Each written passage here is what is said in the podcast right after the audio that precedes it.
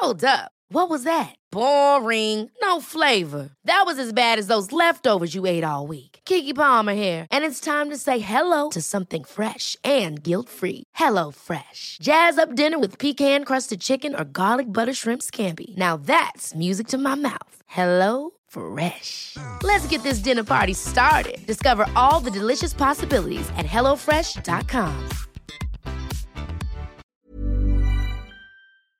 Nu närmar det sig, hörni, Holy Craps Retreat. Äntligen är det dags med våra healing retreats som återkommer varje år och detta år är vi lite extra taggade för vi kommer faktiskt att erbjuda ett retreat i Portugal, där jag sitter nu. Ja, och det är inte vilken plats som helst, utan den här platsen. Jag är bara än så länge sett på bilder, men vi ska ju faktiskt åka dit tillsammans snart. Och den ser helt magisk ut. Ja. Nej, men jag kan känna in känslan av att bara gå runt på den här platsen och allt vi kommer jobba med och Nej, men, alla uh... fina möten och nej. Den kommer hålla, det känns som att det kommer liksom, känslorna kommer kunna bara rinna ut i den här vackra jorden och det kommer vara eh, varma poolbad och det kommer vara, det kommer vara som en ljuv dröm. Ja, själva healingrummet där vi kommer ha klasserna har väl jättehögt i tak så det kommer finnas rum för så mycket expansion och växande i den här liksom underbara salen och eh, nej men var, alltså varje gång jag tänker på det här retreatet så pirrar det i hela, hela Ja, jag känner samma. Ja, det är så otroligt kul. Så... Man känner energin bara zzz, Ja, jag vet, jag vet. Life force is flowing. Okej, okay, men detta datumet är 29 augusti till 1 september. Det är fyra dagar av ljuv Portugal, luft och magi. Och sen två veckor senare, den 12 september till 15 september, så ses vi hemma på underbara bäddar och ängar på Österlen för vår tredje omgång där. Och där har ni säkert sett och hört. Och det eh, känns ju bara så hem, alltså det känns verkligen som att komma hem. Ja. Alltså där, det, man, vi känner liksom väggarna, vi känner hela auran, själen av bäddar och ängar och det öppnar också upp för ett väldigt tryggt och hållande och kärleksfullt space och vi kommer ju ha med oss våra fina foodgeeks även denna gången. Mm. Så in och spana in på holocrapco.com för att läsa mer om de här två fantastiska retreatsen så ses vi i sommar.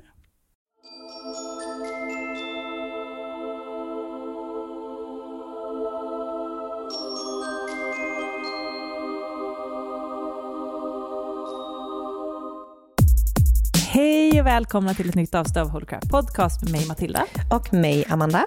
Det här är ju podden som handlar om spiritualitet, självutveckling och holistisk hälsa. Och vi pratar om massa spännande ämnen där vi ger er vår syn och väldigt mycket utifrån våra egna erfarenheter, våra sårbara insikter.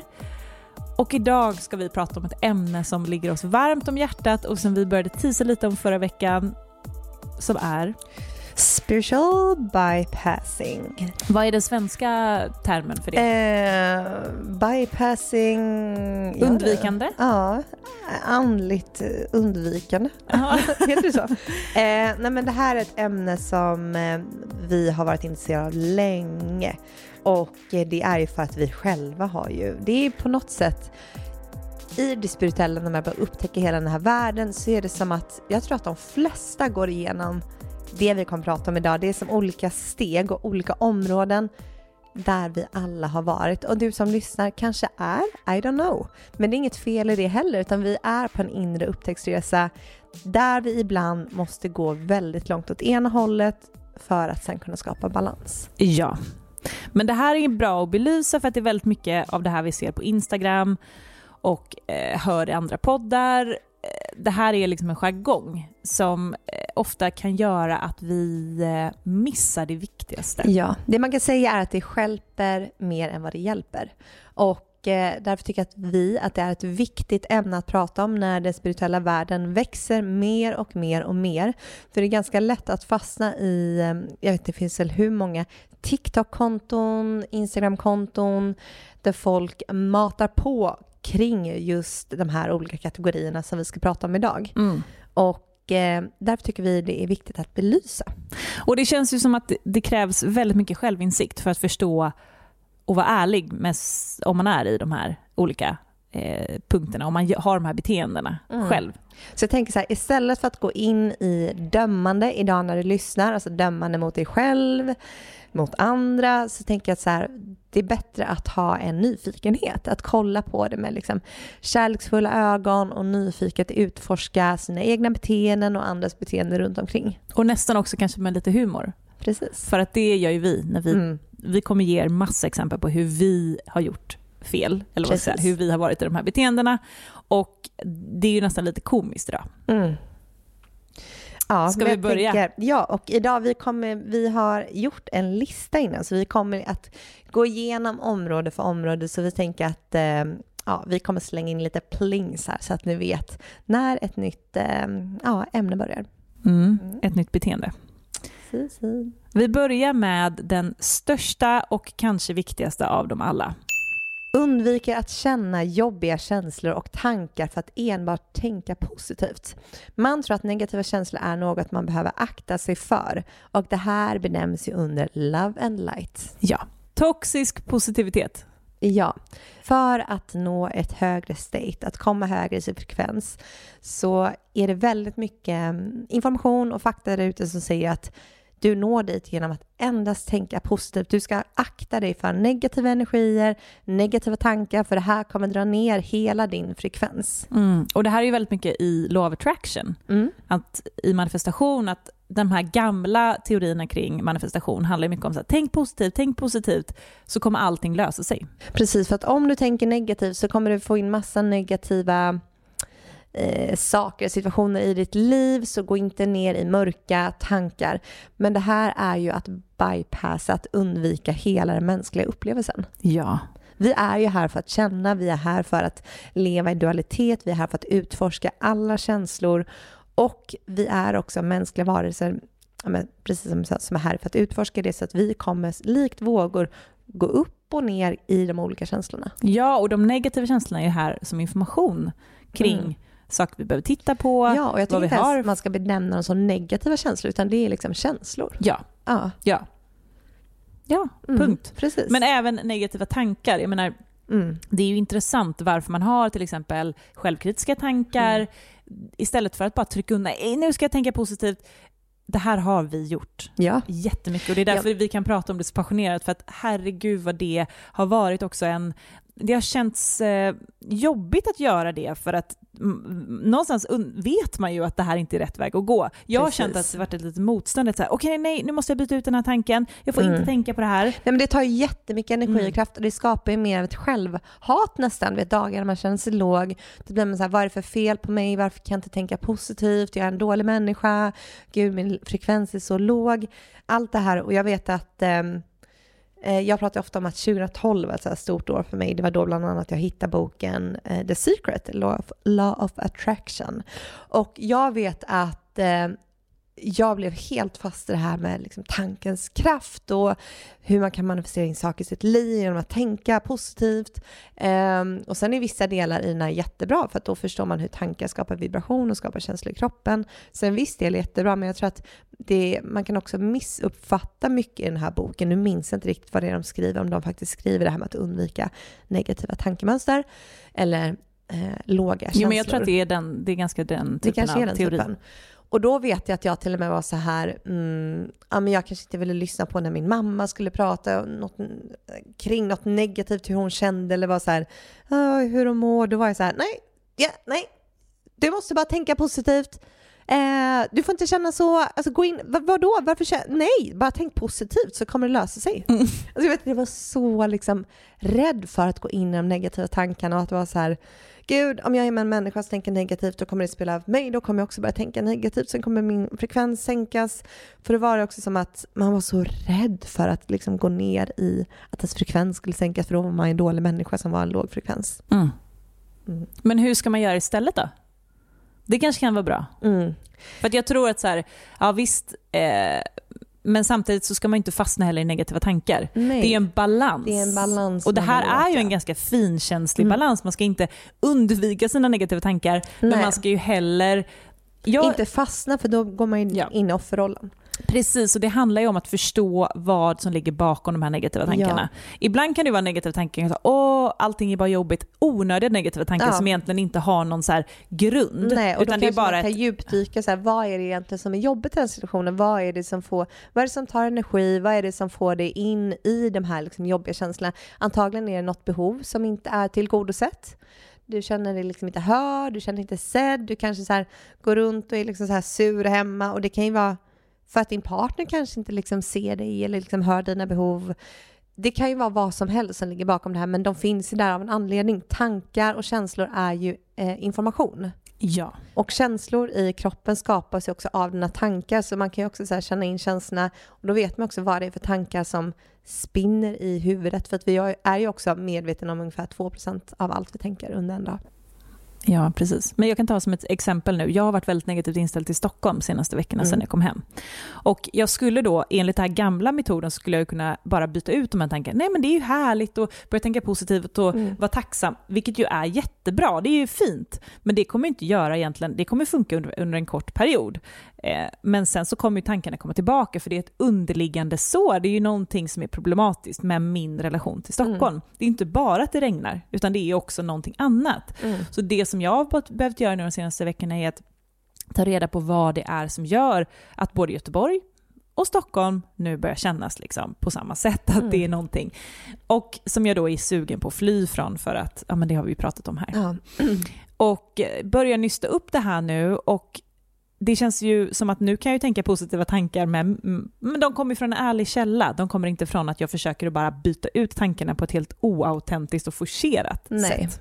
Du försöker förstå vad är det som får mig att vilja liksom fly eller lämna, vad, för det har ju inte med Stockholm eller Göteborg att göra utan det har ju med dina upplevelser kanske i stad, alltså det, det har ju någonting Ja, men det är dig själv. Det är en trigg. Det Ja. triggar saker i mig och det har att göra med, jag har ju kunnat ta ner det här till när jag var fem år gammal och en Mm. relation med en av mina föräldrar. Så att det har ingenting, ja men som sagt, det är en Mm. trigg. Mm. Och vi blir triggade hela tiden. Och att bara byta ut tankarna kommer inte att hjälpa. Nej, och också det här kring eh, känslor som jag brukar prata om väldigt mycket, tjatar in det här i huvudet.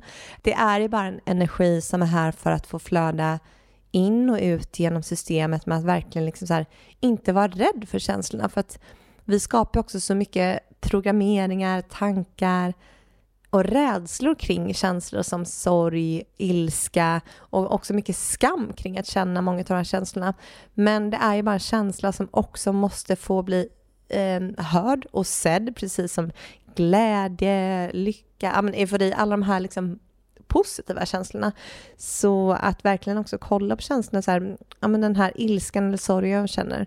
Är det så att jag kan gå in i den sorgen och känna så här, finns det någon situation som skapar den här? Eller är det bara så att jag helt enkelt måste sitta här för det behöver inte ens vara ens egen sorg. Alltså, men så här, energi finns överallt, hela tiden. Vi tar in andra människors energier. Så det kan ju vara ibland bara så här, om man inte hittar något specifikt så kan det också bara så här, okej jag behöver inte ens skriva någon historia kring den här känslan. Jag kan bara så här sitta och låta den här känslan få ta plats i kroppen och sen välja att släppa iväg den istället för att trycka undan den. Ja. Och där finns det olika övningar att verkligen sätta sig i meditationstillstånd och känna in vart i kroppen den här känslan sitter. Och sen kan man nästan visualisera hur den här känslan liksom sakta lämnar ditt system. Mm. Ja, det finns massa sådana olika övningar. Men att inte vara rädd för att känna även om det är jobbiga känslor. En känsla varar i ungefär 90 sekunder. Men vi går vidare till nästa. Använda spirituella begrepp för att slippa känna man skjuter ifrån sig genom till exempel externa faktorer som det är fullmåne eller jag är manifesting generator. Mm. Det här är egentligen lite samma, på samma tema, men det blir liksom en förlängning av att man istället för att eh, byta ut tankar till positivt så använder man istället olika händelser för att eh, eh, bevisa eller för att skylla på. Skylla beteenden på olika externa faktorer. Men det kan ju också vara så här, åh jag mår dåligt, det är för att det är fullmåne. Precis, istället för att kolla på... Vad roten är. Precis. Ja. Visst att de här energierna i fullmåne och eh, olika saker som händer hjälper dig att lyfta fram saker. Ja, det är ju verktyg som vi också använder oss av, men det måste finnas en balans där för att, så att det inte går in i prokrastinering. Att man så här skyller på att nu är det eh, fiskarnas period, då ska jag inte ta action på någonting i livet utan nu ska jag bara under en hel månad dra mig tillbaka. Men det funkar inte riktigt i den världen vi lever i. Man kan ta det i beaktning att så här, okay, fiskarnas energi är en lite lugnare energi och ha det med sig kanske, men sen måste man hitta balansen. För annars kan det bli att man prokrastinerar och till slut liksom, händer ingenting i livet. Mm, precis. Och eh, det här handlar ju om att egentligen att man inte känner in utan att man då tittar mm. på det externa och försöker att följa det istället. Mm. Att man undviker sina egna känslor. Men eh, jag undrar, för att när vi började lära oss om human design eller när vi började lära oss om astrologi, då var det ju väldigt lätt för oss att vara i de här det blev en sån aha-upplevelse. Att okej, okay, jag är manifesting generator, jag har den här energin. Då är det som att det blir, det tar upp så mycket av ens, det blir så mycket intellektualiserat så att man så ja ah, men det kanske är därför jag är sån här, eller mm. ah, men jag har den här månplaceringen det är nog därför jag hanterar känslor på det här sättet istället för att förstå att allting kommer ifrån den här programmeringen. Ja, har du något exempel på hur du själv har gjort det? Nej, men jag vet att vi har ju varit i, alltså när vi har haft våra konflikter till exempel så har mm. ju, men jag vet att jag gick till eh, att vara så här, men det, vi har olika energinivåer, det kanske beror på att eh, du är projector och jag är manifesting generator, så var det någonting som ja, men, som jag använde då för att istället för att så här, jag var inte medveten om skuggarbete då mm. eh, i den här fasen. Det här var ju några år sedan innan vi för, alltså den konflikten var ju också det som gjorde att vi förstod skuggarbete. Mm. Eh, men då var det så här, jag försökte förstå vad det här är. Eh, och då använde jag olika spirituella begrepp. Så här, men istället vara... för att kolla inåt liksom? Ja, istället ja. för att förstå att så här, vad är, vad är obalansen? Mm. Vad är obalansen hos dig? Vad är obalansen hos mig? Vad är det mm. för sår vi trycker på genom att det blir en konflikt här? Mm. Det handlar inte om att så här, jag är manifesting generator och du är project och vi behöver mm. lära oss, utan det handlar ju om djupare saker än så. Mm. Och det gör det ju alltid. Precis, och jag minns också i början eh, det här när du fick reda på att du var fiskmåne och du bara ah, det är därför jag känner så djupt och känner så mycket, bär hela världens sorg. Så då blir det nästan som, det kan ju också bli som en självuppfyllande profetia där det bara så här, jag är en person som känner mycket, känner hela världens sorg och det, det är så jobbigt och bla bla bla. Och bara så här, istället för att kolla in på det utan bara så här, jag är en sån person. Ja. Och då liksom så här fastna lite i det. Ja, ja. det blir ju eh, det blir också på något sätt lite en offerroll mm. eller... Ja men det är inte heller att låta eh, känslor flöda. Då är det Nej. bara att här, jag fångar in alla de här känslorna, bara håller all den här liksom. men det här, det, ja. det här är återigen att vara i balans. För att, så mm. det är ju intressant att få reda på de här sakerna om sig själv. Särskilt mm. i början när man försöker lära känna sig själv. Verkligen. Från att man har dolt allting kring sig själv så ska ja. man börja öppna upp den här kistan av självinsikt. Och då är ju det väldigt nö... Alltså jag har ju tyckt att det varit superlärorikt och bra att förstå att här, jag har de här aspekterna och energierna i mig. Mm. Men desto mer, desto mer jobb man gör med sig själv, desto mindre har det här betydelse. Ja, och jag tror att också att det finns så många mer lager än bara, liksom, det här är bara ett av alla lager. Att det är så här, jag är en oxe och jag är en projector. Ja. Det är ju ett lager av flera, flera, flera tusen lager. Ja. Eh, så det är också så lätt att fastna i det här med liksom så här, men att du är manifesting generator en, eller att jag är en projector. Jag menar så här, det finns ju miljontals andra personer som också är... Alltså, så det är så, Precis, det är bara... sen så har ju det varit, jag tycker ändå mm. så här, det har varit till, försvar, till vårt försvar, mm. eller till allas försvar som håller på så här, så har ju det varit väldigt, jag tycker det har varit jättelärorikt att mm. förstå, ja men så här, det blir ytterligare, ytterligare en förståelse kring våra olikheter. För ett tag så vill ja, ju, trodde ju vi ju att vi var exakt likadana. Ja, men jag kan också vara så här, är det här verkligen sant? Alltså jag kan ifrågasätta ja. det här lite ibland så här, det är en person som har skapat till exempel human design. Mm.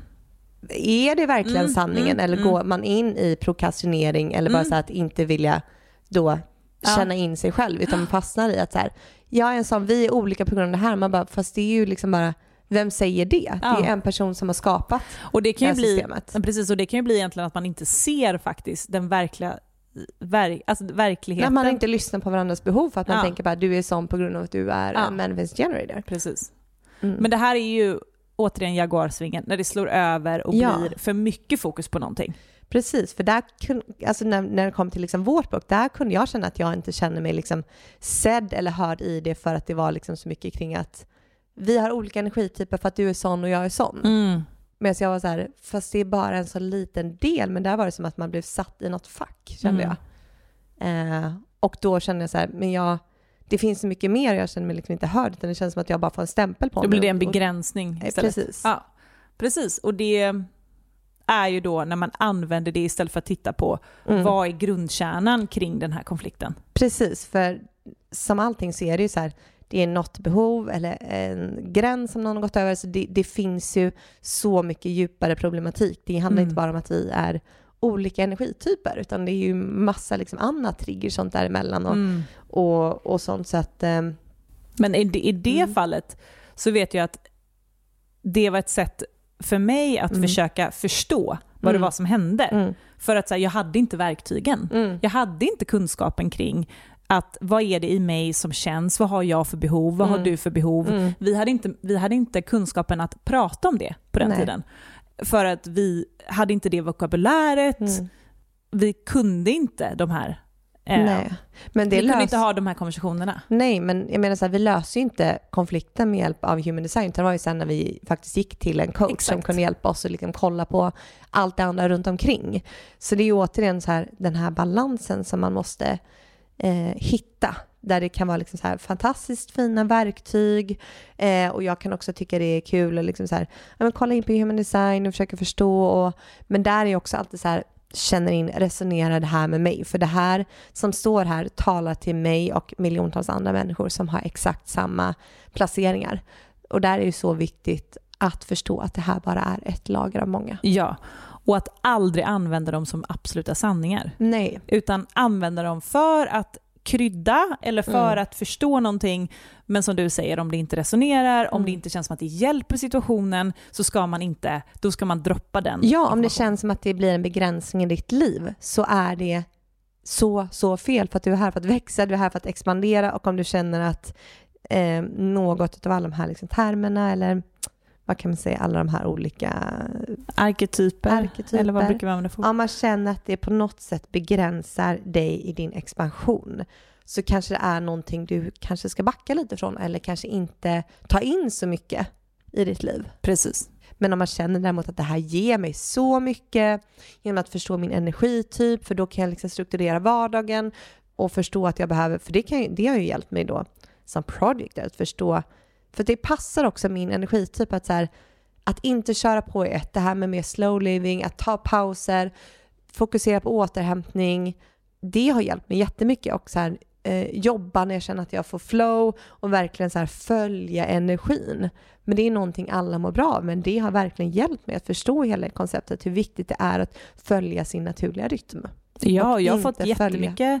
Insikt också kring eh, att det är okej att ha flera passioner, många bollar i luften, Mm.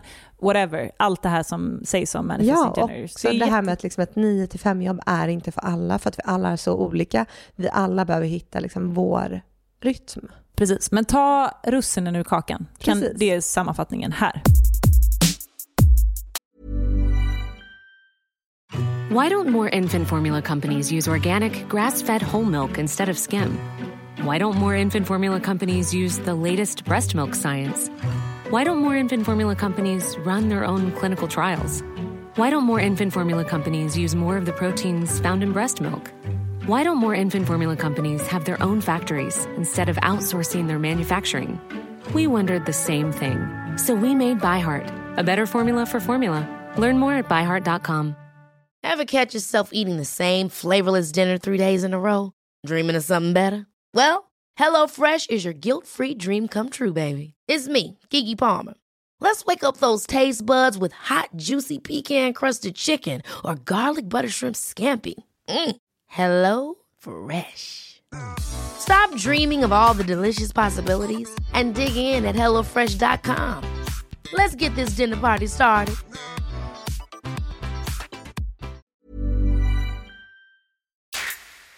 Dra sig tillbaka från verkliga problem, prokrastinering för att det finns en högre mening. Mm. Vi var ju lite inne på det här, Men det här är ju ytterligare ett, ett, liksom en bypassing-grej som finns väldigt mycket i det spirituella.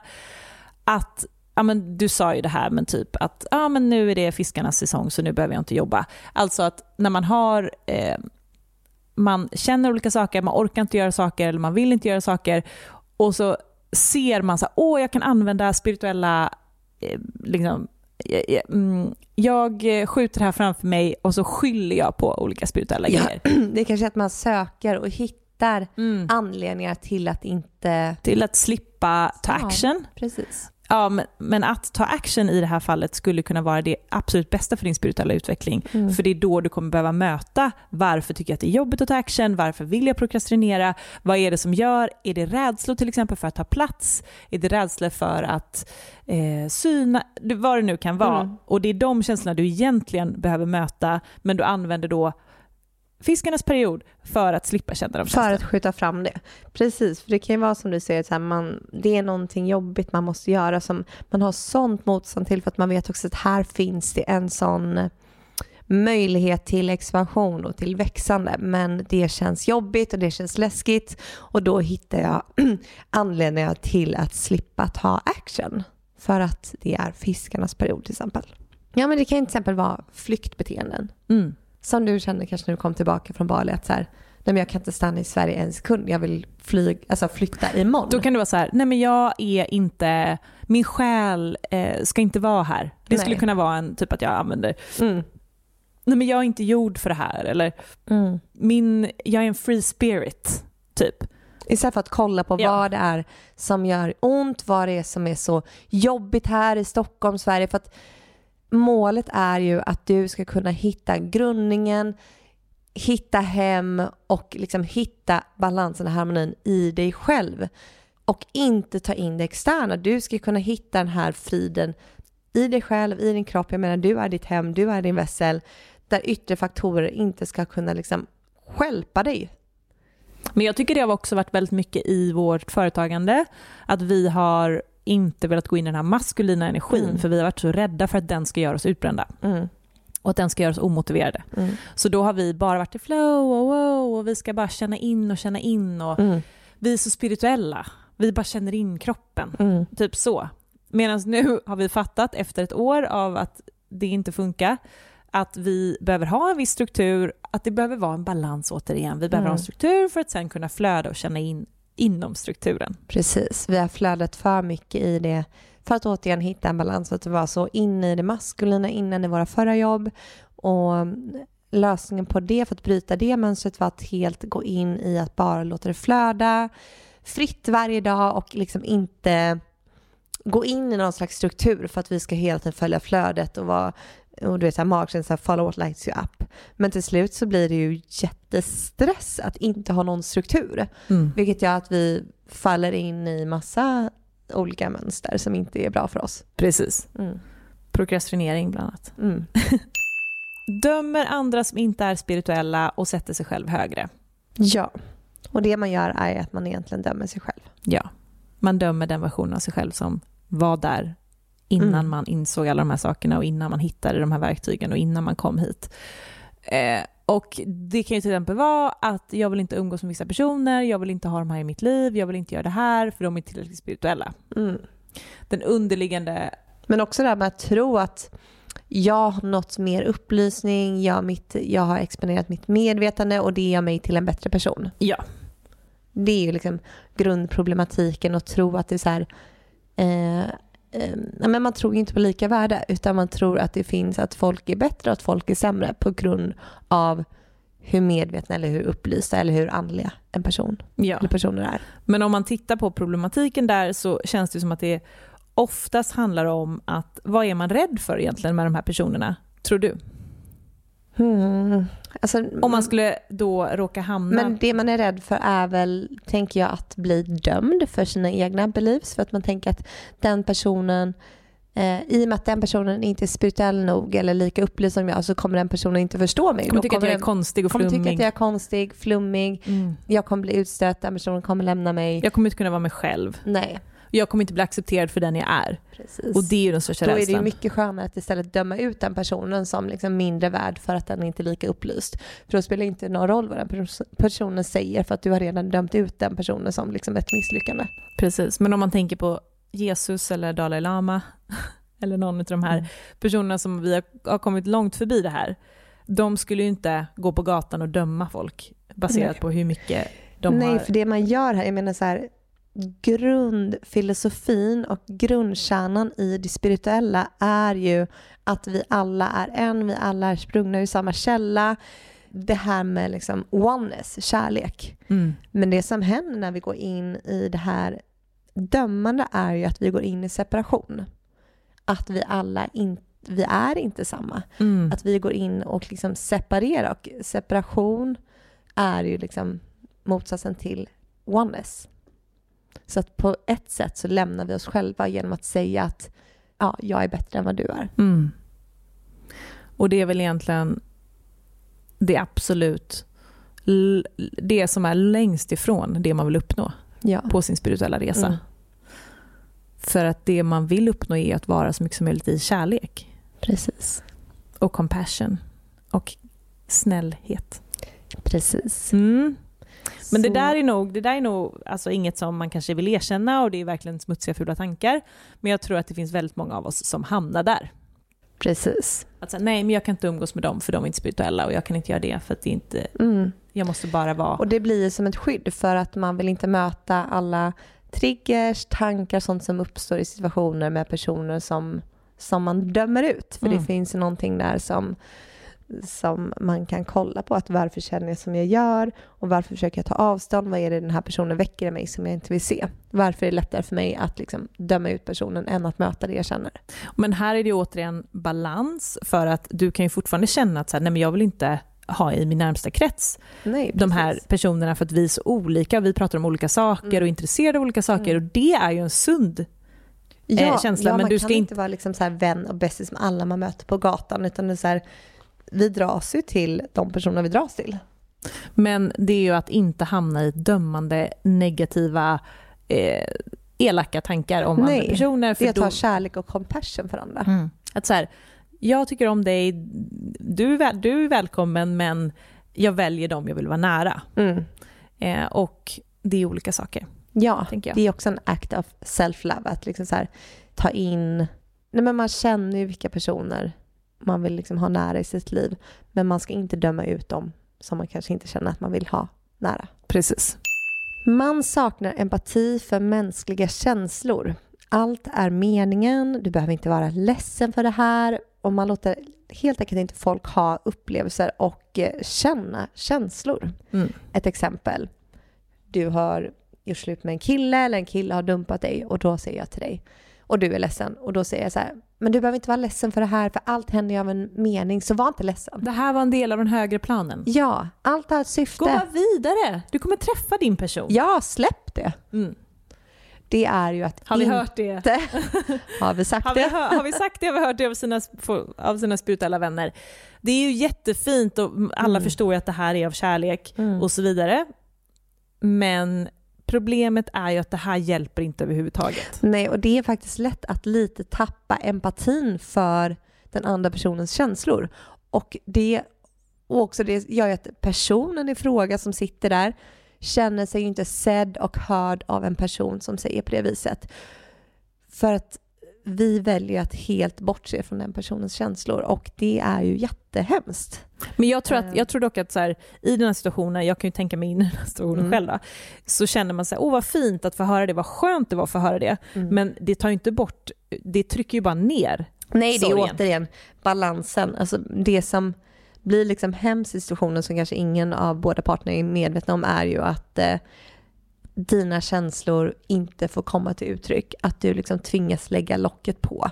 Och det är det sen som Men det kommer kan ju kännas ganska ma- skönt för en Mm. själv. Att man bara, åh vad skönt, just det, det här var ändå inte Mm. meningen, så behöver jag inte känna de här känslorna. Men de ligger ju kvar och De ligger kvar och det skapar lite en stagnation. Och någon gång kommer du behöva möta de här känslorna. Så att bara ha förståelse för att Ja, även om, för vi tror ju på det att allt händer av en anledning. Men oavsett så måste vi ha i backning alla de mänskliga känslorna som uppstår Ja, och, och jag menar- respektera dem. Men så här, I exemplet då med i dating till exempel då, då kanske så här, ja men det tog slut. Eh, visst, på, en, på ett plan så var inte det meningen då. Men själva meningen med situationen är ju för att visa dig någonting. Ja. Det är ju här för att visa dig vart du fortfarande inte har full Mm. kärlek till dig själv till exempel. Och då är det ju viktigt att du går ner och tittar på vad är det som gör ont, varför gör det ont, vad är det för beteende jag har Ja, haft. känslorna kommer ju med information och Mm. att då helt liksom bortse från dem eller trycka undan dem, då kommer du inte heller få nyckeln i den här situationen och förstå varför det hände och allt det här. Och sen att bara få känna och få vara ledsen och bara få kärlek och empati från sina vänner, för det är väl det finaste. Att först ge och sen gå in i liksom det högre meningen bakom det. Precis. Men kanske, det är kanske så man ska, att man ska inte börja med det utan man ska börja med att bara låta personen få känna, hålla Ja. space ja. för den här personens känslor. ja. För Och jag tycker sen- också att man mm. inte riktigt är, alltså precis när det gör som ondast med någonting, Ja. då är man inte riktigt redo kanske att förstå och titta på Mm. eh, sina egna liksom, sår, utan man behöver först bara kanske gråta ut. Ja, och det här gör man ju som, som vän gör man ju också det av kärlek för att man vill också skydda sin vän från att känna allt det här jobbiga och då, säger, då är det ju lätt att gå dit så här, men allt händer av en anledning för att man gör ju det utav kärlek. Det kan också vara att man tycker att det är jobbigt att själv behöva se på när någon annan Ja. gråter för att man har själv problem att gråta. Alltså 100 procent. Ja. Det är därför många vuxna tycker det är så jobbigt när barn gråter. Ja. För att de själv har svårt att möta sina känslor. Det blir en sån spegling. Eh, och då vill man hellre distrahera det här barnet med ett flygplan eller en bil på gatan. Vad det nu kan vara. Mm. Eh, men att bara hålla space för att den andra ska få känna och gråta och vara. Det är ju att ha empati. Så det är nog en fin grej att först hålla space för känslorna och sen kan man gå in i det högre perspektivet när det har fått landa, när känslorna får, har fått passera systemet och fått komma ut och bli sedd och hörd, Mm. hörd i dem. Sista punkten. Man överdrivet förlitar sig på spirituella ritualer istället för att möta problemen. Ni hör ju temat, allting handlar om att möta, möta, möta, Möta, och att man inte vill möta, man bypassar. Och det här kan ju till exempel vara då att man har en jobbig konversation, man, man behöver ha en jobbig konversation med någon, men istället för ta det här och jobba med det här så gör man en cord cutting ritual. Ja, och tänker att så här, nu kommer det här problemet försvinna i mitt liv. Ja. Och där, alltså gud vad jag har varit där. Jag har legat på kvällarna, visualiserat den här personen, de här mm, situationerna och jag har tagit fram häcksaxen och jag har klippt och klippt i de här energitrådarna. Och, men hjälper det? Ah, ah. Ja men det var det, det dövar ju stunden. Ja, det dövar stunden. För att man går ju in i en offerroll där man är såhär, du är så elak, Precis. nu måste jag klippa dig. Och sen så, det är ju många situationer där det här såklart ligger kvar. Men jag tänker sen finns det situationer där jag kanske inte vill liksom så här, eh, ringa upp mitt ex för 15 år sedan och liksom reda ut saker och ting. Alltså så här, I Men- moved on. Men då kan jag istället skriva ett brev istället för att cut the cord så kanske det är fortfarande saker jag behöver få ur mig. Då kan jag skriva ett brev som jag sen bränner upp utan att skicka. Men är någonsin cord cutting relevant? Jag tror inte Jag det. vet inte. Nej men jag tror inte det för att det handlar ju om att du behöver titta på vad det är som gör att det gör ont. Ja, cord cutting är väl bara... Mm, eh, det är väl också att fly. Ja det är klart Det det är en är. jättestor flykt. Eh, istället för att få ut sig känslorna och kanske så här sitta i... För som sagt, det kanske inte alltid är möjligt att ta det med personen i fråga. Men att kanske sitta i coaching, i terapi eller prata med en vän och verkligen så här, prata igenom det, förstå kärnan. Och sen det här med att få ur sig orden. Som till exempel skriva ett brev som du inte ens skickar. Ja. Men där du bara får ur det allting. För löser du upp energin, mm. antingen då genom en Mm. konversation eller i dig själv, då kommer du inte ha något behov av cord. Nej, men sen kan ju det vara symboliskt och fint med alla de här ritualerna, för det har ju vi i vårt Ja. liv. Men jag tror att balansen där är viktigt, för vi har ju också suttit du och jag och bara så här cord-cuttat, alltså så här klippt energin. Ja. Istället för att ta action och faktiskt kolla på problemet, men att ta action och sen göra en ritual för det. Det kan ju vara jättefint, för energi är ju energi. Så att det är ju liksom så möjligt att vi, vi kan ju få ut syst- energin i vårt system. Så det är väl det cord cutting symboliserar också. Men sen så är det alltid viktigt att ta steg i det fysiska livet också. Men jag tror att det ska vara så här, om du väl ska göra cord cutting ska det vara med 100% kärlek. Ja. Det ska nästan vara Det, istället det ska ju aldrig vara i, liksom, i revenge eller Men det är det ju oftast. Ja, Det är det ju. nu Men jag bort det i livet. Jag tänker att det snarare ska vara så här, åh, eh, som du sa innan vi började spela in, att man ser hur man släpper någon fri.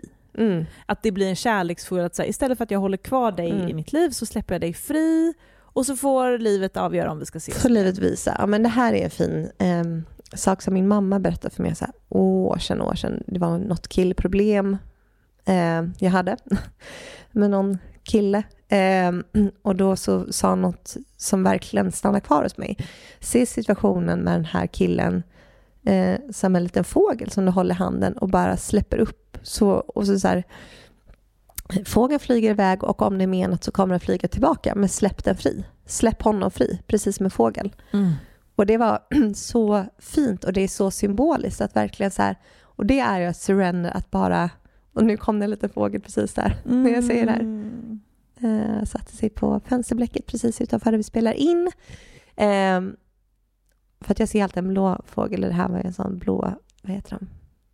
Gulblå fågel. Jag kan Eh. inte mina fåglar. Blåfink. Oh, gulfink. I don't know. Tänk att man kunnat allt det här i skolan. Eh, nej, men det är symboliskt så fint hur man bara släpper kontrollen. Man liksom så här, låter livet visa. Ja. Puff, Mm. puff, puff. Flyg iväg lilla fågel. Gud, jag får så mycket insikter av när vi pratar om det här. För att genom att man går igenom så bara, men gud, vad mycket grejer man gör för att slippa känna. Mm. Känner du att det är någonting som du gör idag för att slippa känna? Ja, alltså Mm. hela tiden. Ja, men jag går och tränar för att hoppas på att höja energin i kroppen istället för att liksom känna. Jag ringer en vän. I och för sig är det för att kunna prata av, men det kan också vara att jag bara, alltså istället för att sitta Mm. med det. Eh, jag sätter på en podd. Jag sätter på Netflix. Alltså jag gör det hela tiden. Ja. Ehm, sen är jag, mm, jag är mer medveten idag om att jag gör det. Mm. Så det kan vara att jag så här, jag tar det där sen. Eller så här, åh jag ska Det meditera. är som att man gör ett medvetet val. Man gör Ja. ett val men man är medveten i det. Jag kan också vara så här, så fort jag lagar mat eller så här. Till och med i duschen kan jag sätta på en podd medan jag duschar för att jag bara så här, ah, jobbigt att stå en kvart i duschen utan att göra någonting. Men då är jag också så här, Amanda, jag ser vad du gör. Ja, Nu exakt. sätter du på den här podden istället för att stå i duschen och känna in. Men då kan jag också så här, ta ett val bara så här, fast nu orkar jag inte känna, nu vill jag bara liksom stå där och lyssna på det här bara för att släppa livet lite. Ja. Nej men verkligen. Mm. Så att det här händer, och särskilt nu de senaste veckorna när det har varit så himla mycket känslor och så mycket triggers och så mycket saker att processa, så det, det har verkligen varit eh, alltså att jag behövt bara fly lite grann. ja. För det, väl blir, sunt också ibland att bara men så här, jag behöver hämta energi, jag behöver gå och träna för att hur, alltså det blir, jag blir som en urvriden trasa till slut. Men jag tror också så här, ehm, det här ska vi också prata om någon gång i podden, men ehm, vad händer efter man tar steget och startar eget? För att man får ju också extremt mycket tid till att gå och känna in på ett sätt som blir lite för mycket. Där man känner in varje känsla, varje val. Det är helt enkelt lite, ibland för mycket fokus på en själv och ens mående. 100 procent. Mm. Och det gör också att man kan fastna i lite offer, lite... uh. För när man har också, också ett ny, alltså, 9 till 5 jobb, när man kanske går iväg på kontoret, då kommer man in i ett flow. Och, för ibland kan ju det här av för mycket ensamtid också skapa problem som, alltså man kan göra problem större än vad de är. För att man har för mycket tid till att tänka och lägga fokus på sig själv. Ja, Så jag tror att det är sunt också att plocka bort lite av det här fokuset från sig själv. balansen. Balansen. Ja, Mm. nej men eh, verkligen. Och jag har haft väldigt mycket tid sen jag kom hem. Mm. Och det är inte så här, vi är ju också menade att leva i en flock och när, när du lever i en flock och det är massa som händer och alla har sina uppgifter så, hur mycket tid har man lägga på sig själv för? Nej. Nej men du hade ju dina uppgifter, du gick och hämtade vatten, du lagade mat eller du passade barn eller vad du nu gjorde. Ja. Och sen kanske det var naturligt sunt att ha några gånger i veckan när det är så här, nu checkar jag in med mig själv. ja. Men inte liksom flera timmar per dag. Det blir osunt Man kan också skapa stories om saker som inte Ja, finns. hundra procent. Mm. Jag är, alltså, jag har en väldigt analytisk hjärna och som är, alltså, jag är så bra på att skapa stories av luft. Samma. Alltså, ja. Därför är det bra att vi båda har våra små bebisar som vi kan lägga. Nej, men jag tyckte det var jätteskönt när jag fick hundvalp att så här, Mm. jag var tvungen att vara mer praktisk. Ja. Jag kunde inte vara så emotionell hela tiden. Mm. Det var faktiskt, jag vet inte om det var att jag bypassade då. Mm. No. Men det var skönt att lägga fokus på någon annan helt enkelt. Mm. Så, Det kan också bli lite för självcentrerat Ja, annars. Och det blir liksom navelskåderi, vilket liksom... Jag tror att det är bra. Det ordet har fastnat. Ja, men jag tyckte det var sen, ganska eh, bra Sen ord. vi fick en sån kom negativ kommentar. Ja, men jag tyckte det var liksom, eller det var Det var snarare... en person som tyckte att det var lite för mycket navelskåderi här i den här podden. Ja, och den här podden ska ju vara navelskåderi. Ja, det är det det är. Ni lyssnar ju för att ni tycker att det är spännande. Sen kommer ni göra vad ni vill med den här informationen. Om ni inte vill ha navelskåderi då ska ni gå in. Då är det andra poddar man kan lyssna på. Ja, det är det. Mm, mm. Men food for thought eh, kring balansen. Kan det bli för mycket självutveckling? Vi är också här för att leva på jorden, vi är här för att ha kul, Ja. vi är här för att skratta, vi är här för att liksom Ja, äta, ha sex. Alltså vi är här för att liksom det är ju leva. det. Det kan bli för allvarligt. Ja. Just det, där sa du det. Mm. Att det kan bli för, för det är också en grej alltså, som inte kanske hör till bypassing men som är intressant att ta upp i, i, det liksom, spirituella i det spirituella. Det kan bli för, Allvarligt. för, liksom bara för deppigt. Mm. För att du hela tiden ska hålla på med dina sår. Mm. Och det låter ju som att vi gör det eftersom att det är det enda vi pratar om i den här podden. Mm. Men vi försöker ju också se till att ha jäkligt mycket kul. Ja, Men jag har inte haft typ kul på en hel månad nu. eh, det är också februari. ja men Glöm inte. jag har också behövt, men du vet så här, jag har väl behövt att vara i min, Ja. eh, mitt skuggarbete. Men jag har typ, jag, nu när du säger det så inser jag att jag inte haft så kul. Mm. Och det har varit en obalans. Att så här, jag, behövt, jag skulle behövt typ ha, du vet, ställa mig och dansa. Därav vår dansklass. Eh, Ja, klass. Alltså Mm. den, jag insåg bara shit, vad den är härligt. bara för skoj, för pleasure. Verkligen. Det är ingenting att vi ska gå dit och lära oss, utan det här, vi ska bara gå dit och ha kul. Ah. Gud vilken insikt jag fick nu. Att det är därför också som Alltså jag har verkligen bara varit i det spirituella arbetet den här månaden. Ingen balans alls. Nej, och det är så Ah. viktigt. för Vi är också här för att ha roligt, för att njuta, för att uppleva. Återigen, balans, balans, balans. För att ah, det är så lätt, jag kan också fastna i det när det hela tiden ska vara expansion och utveckling i allt man gör. Och det kan bli väldigt seriöst. Oh my god. Men när jag var på Bali så var det nästan bara kul. Så att ja, det var ganska mycket skuggarbete där. Men det var mer kul. Och då behövde jag nog någonstans komma hem och bara ta tag i Ja, men det var ju det vi sa innan podden här, att Bali är ju lite Barbieland. Ni som har sett eh, filmen om Barbie, det är ju lite så, hej, hej, hej, hej, gröna smoothien, Ja, alla ler. alla ler, alla vältränade kroppar, alla... Ja, och det kom ju upp känslor där som jag var tvungen att ta hand om när jag kom hem. För Mm. att där finns det liksom ingen riktig möjlighet att göra, eller det är inte riktigt upplagt för det. Ja, sen vet jag att det är många, alltså det är mycket olika delar av Bali, det är mycket djupt arbete som sker också, men overall så är det ju liksom, det är lite gladare än vad eh, the northern hemisphere Ja. are. Ja. En annan grej som vi också så tänkte belysa lite nu i, i slutet här är the spiritual ego. Mm. Mm. Det hänger ihop ganska mycket. För att när man bypassar så kommer det här egot kunna växa ganska Ja. mycket.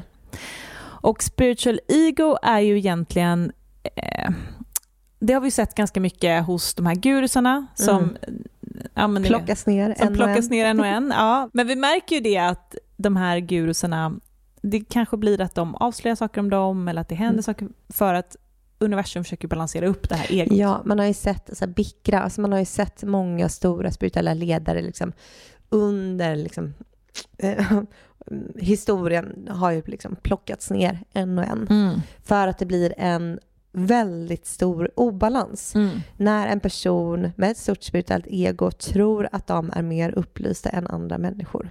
Ja. Och jag tror att vi alla har liksom en liten släng av det här. Ja, egot är ju här. Det, det finns ju en anledning. Det är ju här för att skydda oss mot faror. Det är här för att hjälpa oss att överleva här på jorden. För att vi, om vi kom ner som pure consciousness, som de här rena energivarelserna, så vi hade ju kunnat gå rätt ut och gå. Alltså vi har ju inte haft några... Det är som en... Man ser, jag vet inte när egot infinner sig, men jag tror att en tvååring har inte alls så mycket ego ibland känns som. Och de kan ju typ dö om man lämnar dem själva. En, liksom, en liten stund. De har ju så mycket ego så det är mitt. Vet, ja, men det kommer, jag tänker innan det, du vet när de bara så här, kan ja. gå rätt ut i gatan, Ett de kan liksom så här, hoppa från ett bord, alltså, vet, de har ju liksom ingenting som mm. skyddar dem. Mm.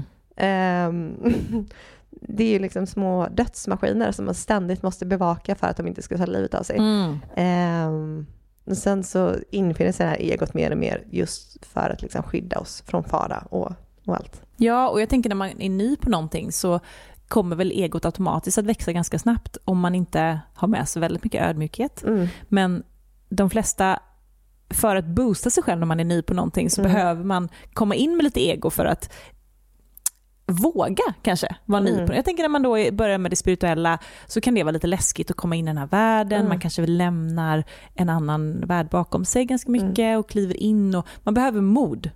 Och då använder sig egot av till exempel det här med att man sätter folk i fack. Nej men du är inte spirituell och jag är mycket mer spirituell. Och då är det ett sätt för egot att hämta hem mod för att du ska mm. våga. Så mm. känner jag i alla fall att, att när jag har gjort de här stora förändringarna eh, säga upp mig, ja men då kanske det jag blir så nej men det här jobbet är mycket bättre än mitt förra jobb.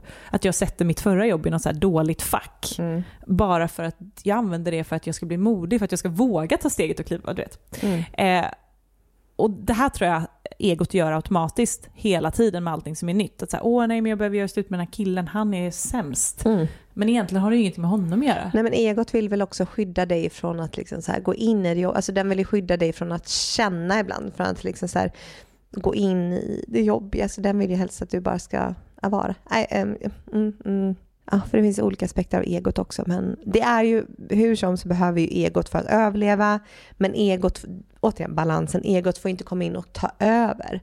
Jag tror att det är det som händer i någon fas när barn är runt liksom två och ett halvt, tre, fyra, när de är mycket i den här trotsfasen. Att det är då mycket av det här liksom, när man ska hjälpa barn att förstå att de inte liksom är solen och universum, att allt inte kretsar kring dem. Det här med att de vill styra och bestämma. Du får inte sitta där, du ska sitta här. Och du vet, då följa efter ett barn i allt de gör.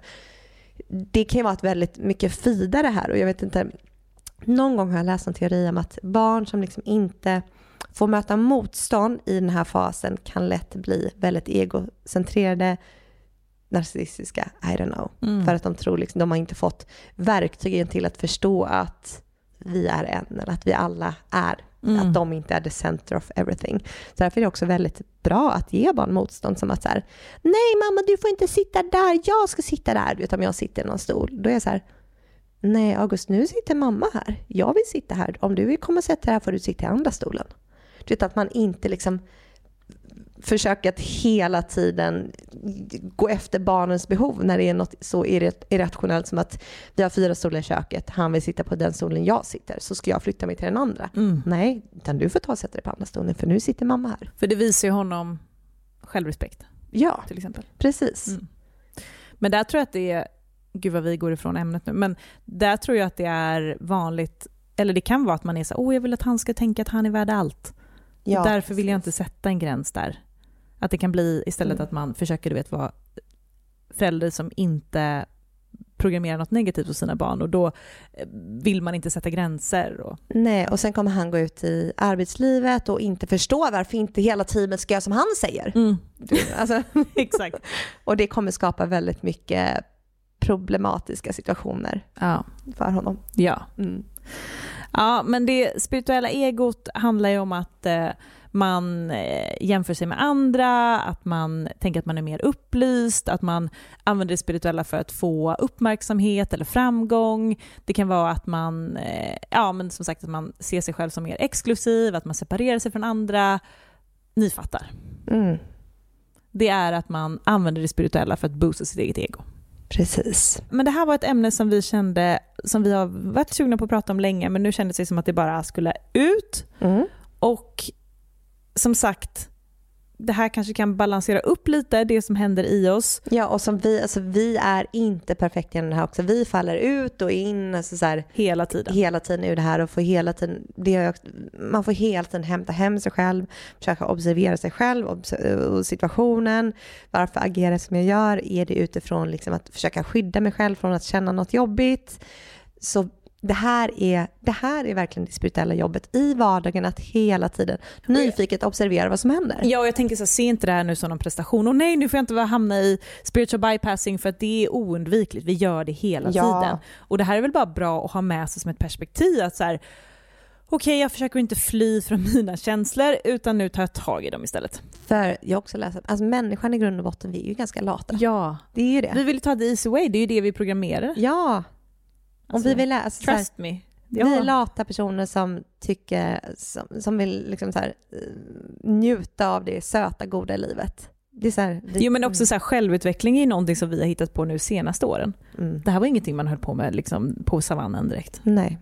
Och nu lever vi i en värld där vi måste försöka där vi måste ha självutveckling för att vi har kommit så långt ifrån människans naturliga rytm, rytm och naturliga Balans. sätt att leva. Mm. Så det är därför vi måste hitta den här balansen nu i vårt ultramoderna samhälle som faktiskt får de flesta av oss att må ganska dåligt och dessutom bli sjuka och dö. Ja, för hela samhället är uppbyggt efter det här egot. Mm. Förut var det ju inte det, utan då var det ju mer en balans med naturen. Så naturen löste ju många av de här sakerna. Mm åt oss. Ja, men vi hade inte mat, vi var tvungna att möta det, vi hade inte det. Vi, kunde... vi hade inte sociala medier, vi hade inte den jämförelsen.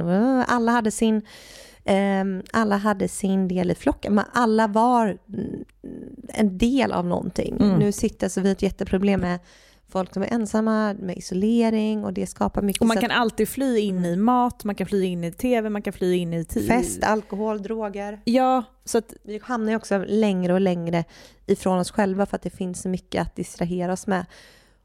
Och även i det spirituella så har vi väldigt mycket att distrahera oss från. Det är därför det är så viktigt att prata om spiritual bypassing, för att det är bara ett annat sätt. Um, vi, vi byter bara ut en alkohol mot salmonell kakao. Alltså, ja! Vi hittar liksom nya ja! sätt att liksom ja! döva, ja! men i en spirituell kontext. Ja, och så är det så mysigt och fluffigt och du vet, det är så fina yogatights och det är så, så här mm. härligt. Allt. Det är mm. liksom en så mysfluffig miljö. Ja.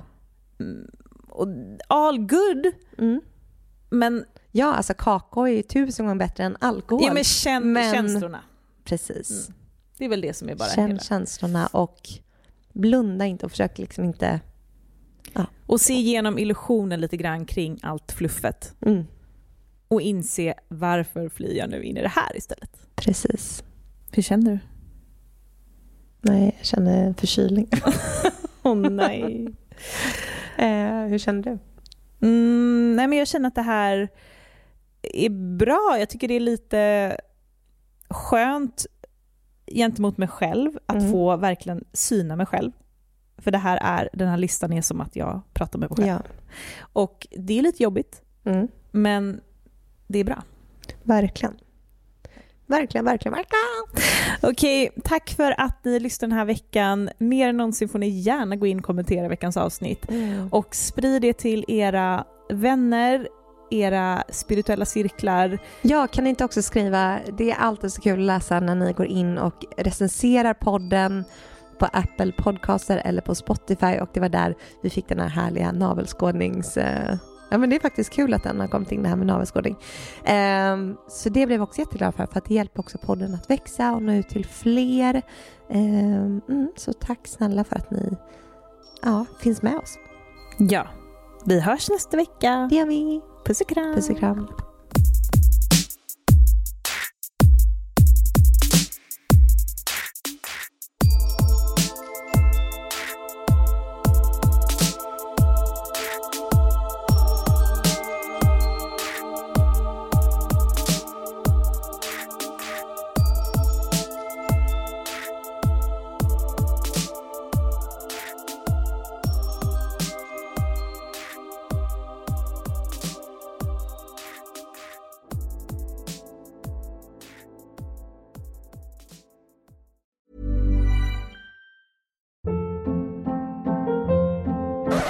Up. What was that? Boring. No flavor. That was as bad as those leftovers you ate all week. Kiki Palmer here, and it's time to say hello to something fresh and guilt-free. Hello Fresh. Jazz up dinner with pecan-crusted chicken or garlic butter shrimp scampi. Now that's music to my mouth. Hello Fresh. Let's get this dinner party started. Discover all the delicious possibilities at hellofresh.com.